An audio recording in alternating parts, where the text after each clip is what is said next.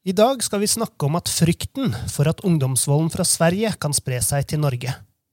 Vi lurer på om idretten kan være en del av løsningen.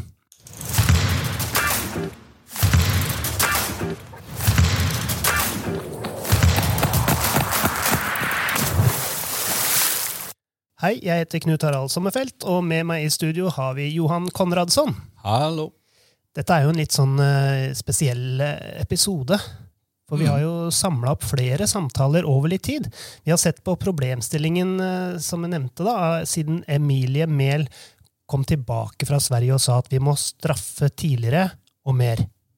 Mens idretten begynte å tenke vi må forebygge mye mer. Mm. Og vi husker jo tilbake til den episoden vi lagde i sommer i Oslo.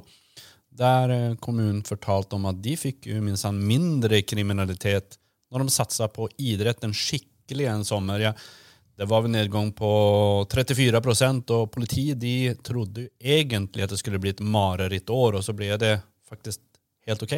Men svenske tilstander altså Johan, du må være spesialist.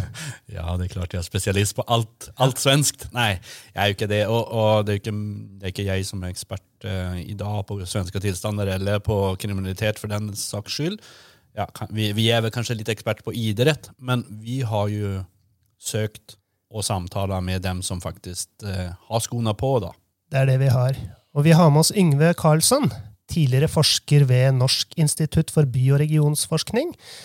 Det vil si at han har forska mye på ungdom, og er en av de landene som har forska på kriminelle gjenger. Og det som i dag heter idrettens inkluderingsarbeid, altså utenforskap i tettbebygde strøk og økonomiske barrierer osv. I tillegg så har vi tatt inkluderingsbrillene på oss og dratt til Malmö på studiebesøk for å lære av de som har trent masse på hvordan snu utfordringer med nettopp lav arbeidsledighet, utdanning og negative trender. Ja, eller ikke vi, da, men vår kollega Line Hurud, som tok med seg idrettsråd og en mikrofon. Så der skal vi høre mer om litt senere. Og så Denne turen den var planlagt ganske lenge, fordi eh, idretten har jo sett tematikken eh, tidligere. Og nå ble da studieturen heller aktualisert med et tragisk og dramatisk bakteppe.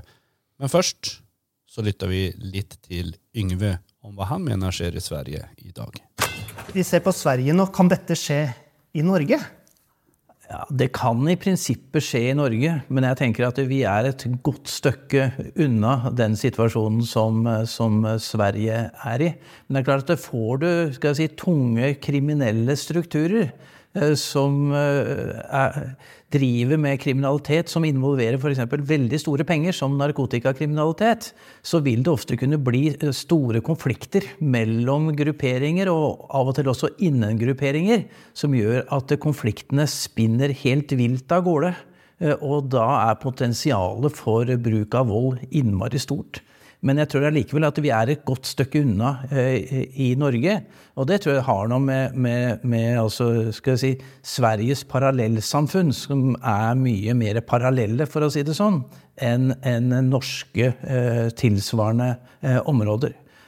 Det betyr at, at, de som vokser opp i, i Groruddalen, på fjellet i Drammen og tilsvarende områder, de er allikevel mye mer integrert Eh, for det første så har vi velfungerende idrettslag de aller fleste steder. Det har man ikke i den type områder i Sverige. I hvert fall hørt det at eh, altså rundt Göteborg, altså i, i tilsvarende område der, sånn, så er idretten borte. Vi har fått hjelp av våre venner i Politiforbundet til å stille justisminister Emilie Mehl eh, spørsmålet om vi får svenske tilstander i Norge. Vi er nok langt unna eh, det mange tenker på som svenske tilstander. Norge har hatt en helt annen innvandrings- og integreringspolitikk enn Sverige. Eh, og vi har ikke de tendensene, men eh, jeg mener jo det er viktig at vi forebygger en utvikling hvor organiserte kriminelle får et større fotfeste. Ja, her merker vi jo at justisministeren ikke nevner velfungerende idrettslag. Noe som Yngve faktisk tok fram som en av de årsakene til at vi ikke har svenske tilstander. Og det var jo også derfor vi valgte å dra på studiebesøk til Sverige. For å treffe et av de her velfungerende idrettslagene. I Sverige? Ja. ja. Fordi i Malmö så har de fått trent på Eh, utfordringer som eh, med integrasjon, høy arbeidsledighet, eh, lav utdanning og sosial ekskludering i over 20 år. Mm. Og der traff eh, Line Hørød eh, orgsjefen i eh, Skåneidretten, Patrik Karlsson. Hvilken rolle kan idretten spille? Ja, men vi tror at eh, vi kan skape et sammanhang for eh, ungdomarna. Eh, skapa en meningsfull fritid for dem. Og om, då, om vi har väl fungerende, hållbara foreninger, så tror vi også at vi kan, de i sin tur kan skapa en meningsfull fritid for ungdomarna. Eh, de måste skapa ett, ett sammanhang för ungdomar. De måste känna att de tillhör någonting och inte tillhör den dåliga sidan, den negativa sidan. Utan vi, och det, det, behövs en mängd olika insatser. Vi jobbar mycket också med för att försöka samverka med många andra, framfor alt med kommunen såklart, eh, de olika förvaltningarna. Men också genom att eh, samverka med andre i sivilsamfunnet. Rädda Barnen er en sånn organisation som vi jobber jättenära. De sitter med kompetens og kunnskap som ikke vi har, utan hur kan vi nyttja dem på bästa sätt? Eh, och då kommer de in på litt olika sätt. Att vi, vi ger dem ett uppdrag eller vi tar del av deres utbildningserbjudande eh, som de har som vi også förverkligar i våre föreningar. Så du sier at uh, sterke foreninger er uh, et stikkord, og samarbeid med andre organisasjoner? Ja, det skal jeg vel si. Og jeg skulle kunne også tillegge at uh, vi tror at uh, foreningene som jobber der, de skal ha gode ledere som er bra forbilder for, uh, for ungdommene, helt enkelt. Og vi jobber med personer som finns redan i områdena. Det är inte så att vi kommer dit, för vi har inte så stor chans att uh, kanske påverka, men vi kan jobba med föreningen, med styrelserna, så att de finns där, men de måste uh, rekrytera ledare, gärna ungdomar också som är ledare. Um, sen tror vi också att en del i hållbarheten, det handlar mycket om att uh, skapa ungdomsdelaktighet i föreningarna. Alltså göra det de vill. Alltså, och inte vi, vi vuxna kommer med några påhitt att vi tycker det, ja, men det är traditionellt att hålla på med den typen av idrott, utan hur kan vi skapa en ungdomsdelaktighet där ungdomarna också hjälper till på bästa sätt. Og I tillegg så snakket Line med Nicolas Lunaba, som er eh, strategi- og kommunikasjonsansvarlig for foreningen Hela Malmö. Hvordan starta Hela Malmö, og hvorfor starta det? Eh, vi startade 2004. Eh, vi började med basket ute i skolorna för att ge ungarna en meningsfull fritid. Men vi insåg ganska tidigt att vi måste jobba med andra saker också, som att ge dem mat, se till så att de har kläder, eh, se till så att de har vuxna att vända sig till. Så det började 2004, så det är snart 20 år.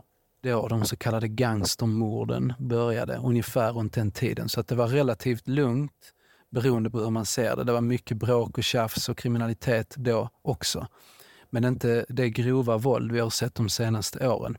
Men sen ska det sägas också att eh, de senaste tre åren ungefär, eller vad det är, ungefär tre år, så har det här dödliga våldet minskat ganska mycket i staden. Och vi tror att det väldigt mycket handlar om att det sker andra folk i de här så kallade utsatta områdena. De samarbetar mer, de har föreningar, de startar positiva verksamheter för de unga. Och vi samarbetar över sektorsgränserna bättre än vi gjorde tidigare. Problemet i staden är fortfarande hög fattigdom, arbetslöshet och så vidare. Vilken betydning har hela Malmö för forebygging förebygging av ungdomskriminalitet? Vi är ju inte verksamma i hela staden på något sätt, utan vi jobbar primärt i ett område som heter Nydala. Um, här vet vi att vi har haft en stor inverkan på, på de unga genom att få dem in i mer positiva aktiviteter. De träffar förebilder efter skolan och får mat i magen och så i våra lokaler.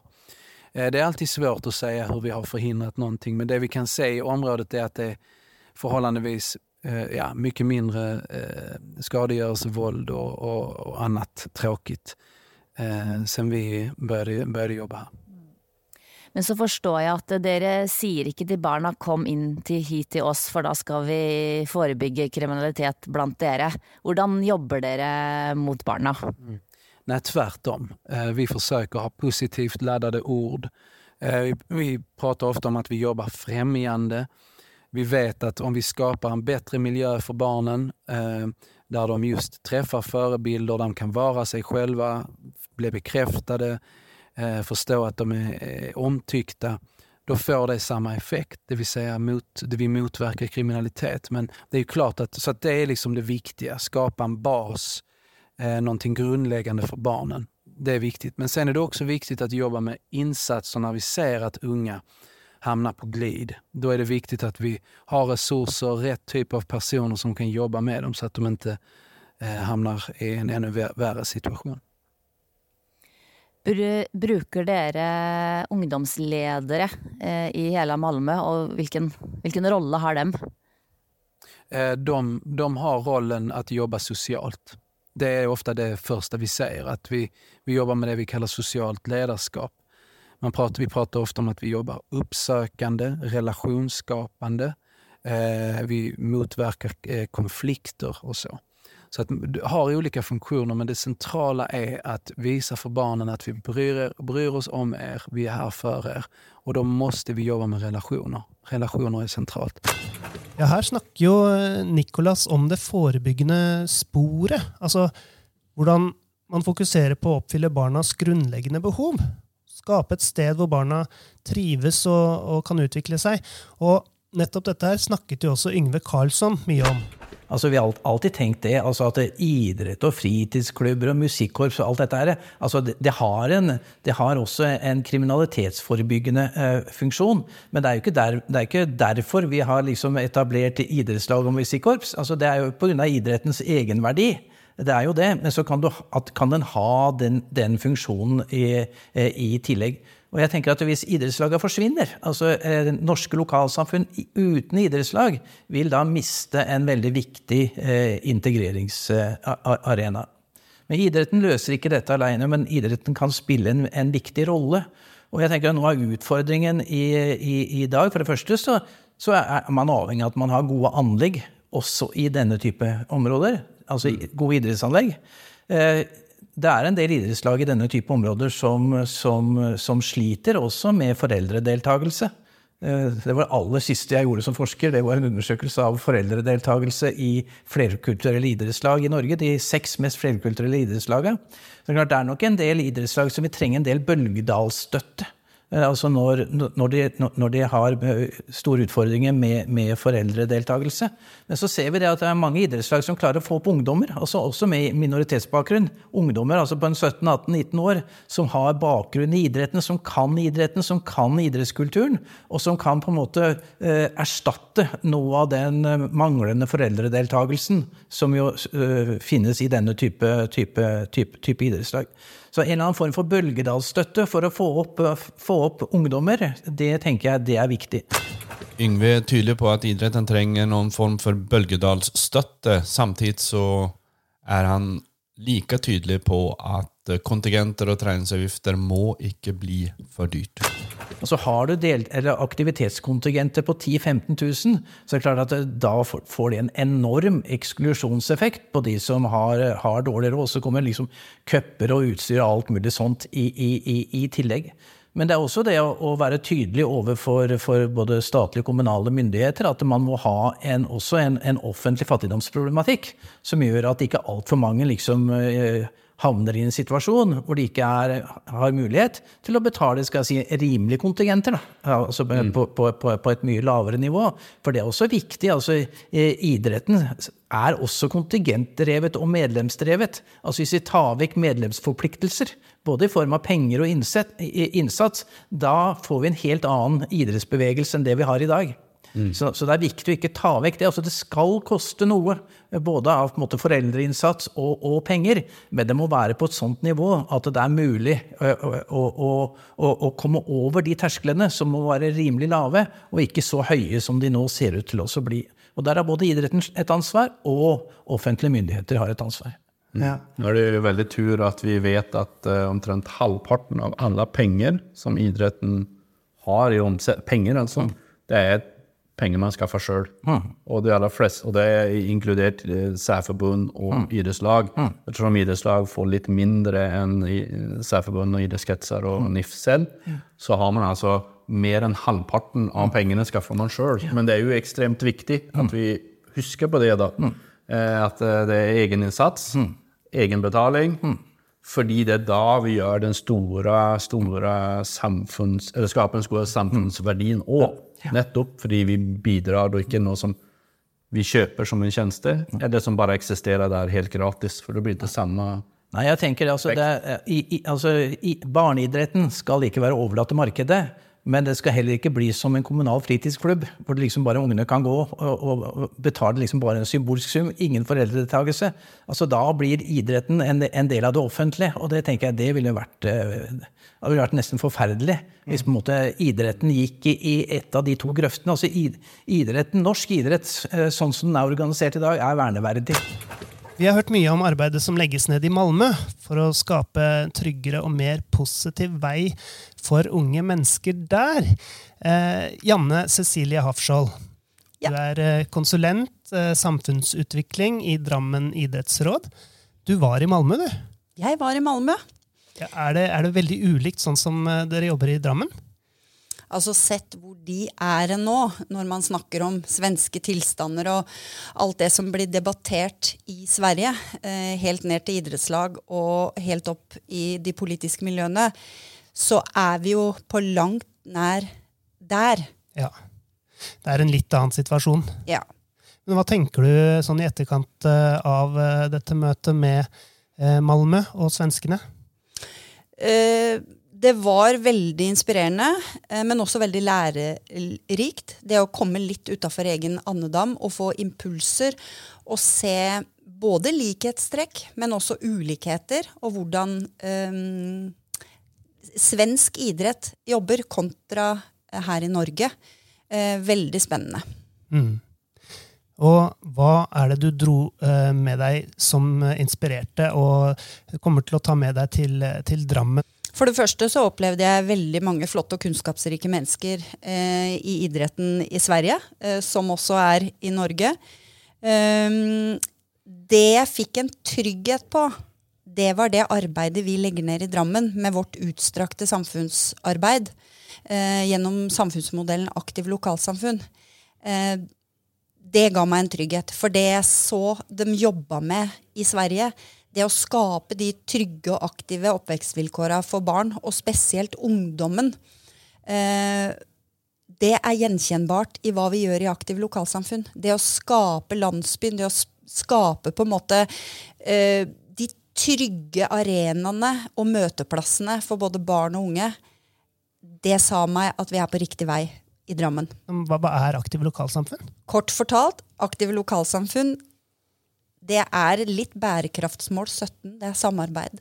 Det er samarbeid med skoler, idrettslag, FAU, andre frivillige, foreldre. Det er så mye, og det er i utgangspunktet idrettens utstrakte samfunnsarbeid, der idrettslaget har tatt et ansvar da, for fellesskapet, for samholdet, og for å utvikle aktivitetsnivå, ikke bare blant medlemmer, men for hele lokalsamfunnet. Det tror jeg er viktig, også framover. Utrolig bra. Og aktive lokalsamfunn, det er et spennende område. Det er veldig spennende, og vi har vært så heldige både sammen med Viken idrettskrets, men også Drammen kommune, og ikke minst idrettslaga og skolene, har fått lov til å utvikle dette siden 2014. eh, Og har nå eh, store stedsbærende idrettslag i alle kommunedeler, som tar det utstrakte samfunnsansvaret sammen med rektorene. Det er eh, i så måte Kanskje jeg er litt stor i orda, men jeg tenker at det vil forebygge i stor grad det som allerede har skjedd i Sverige. Dit vil vi ikke. Dit vil vi ikke. Det handler om å skape aktive lokalsamfunn som gir trygge og aktive oppvekstvilkår. Tusen takk til deg, eh, Janne Cecilie Hafskjold. Takk for at jeg fikk komme. Og da har vi kommet til eh, slutten av denne episoden av Idretten vil. Og hva har vi lært oss egentlig, Knut Harald? Vi har lært oss at uh, i stedet for uh, kun å satse på strengere straffer, så viser våre samtaler og forskere at inkludering og idrett, aktivitet, kan være nøkkelen til å hindre ungdomsvold. Mm.